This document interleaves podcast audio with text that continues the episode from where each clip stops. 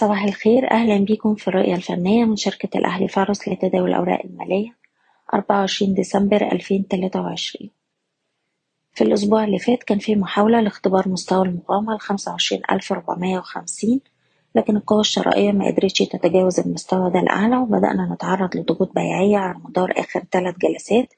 وفي جلسة الخميس كسرنا مستوى الدعم وحماية الأرباح ال 24700 وقفلنا عند أدنى مستوى في الأسبوع عند الأربعة وعشرين ألف تلتمية وخمسة. معظم الأسهم قفلت على تراجع والأسهم القيادية شهدت ضغوط بيعية قوية وعلى رأسها البنك التجاري الدولي.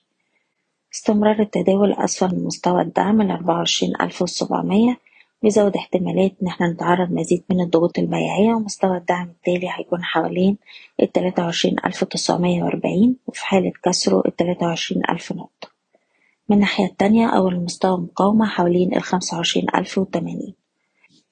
كنا نصحنا على مدار الأسبوع اللي فات بتخفيض مراكز الشراء بالهامش وما زلنا بننصح بالالتزام بمستويات حماية الأرباح لكل سهم على حدة.